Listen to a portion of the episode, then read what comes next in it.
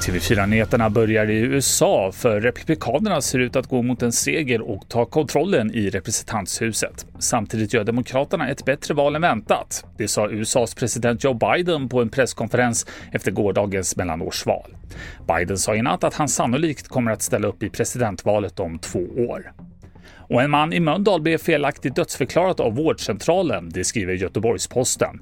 Mannen märkte att hans bankkort och ID slutade funka då det visade sig att vårdcentralen blandat ihop hans personnummer med en annans och dödförklarat fel person.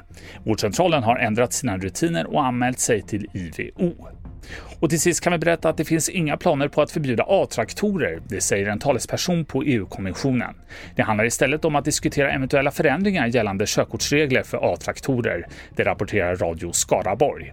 I förra veckan sa EU-kommissionen att man skulle granska Sveriges regelverk kring A-traktorer och att ett förbud kunde bli aktuellt från årsskiftet. Fler nyheter hittar du som vanligt på tv4.se. Jag heter Carl Christian Frunk.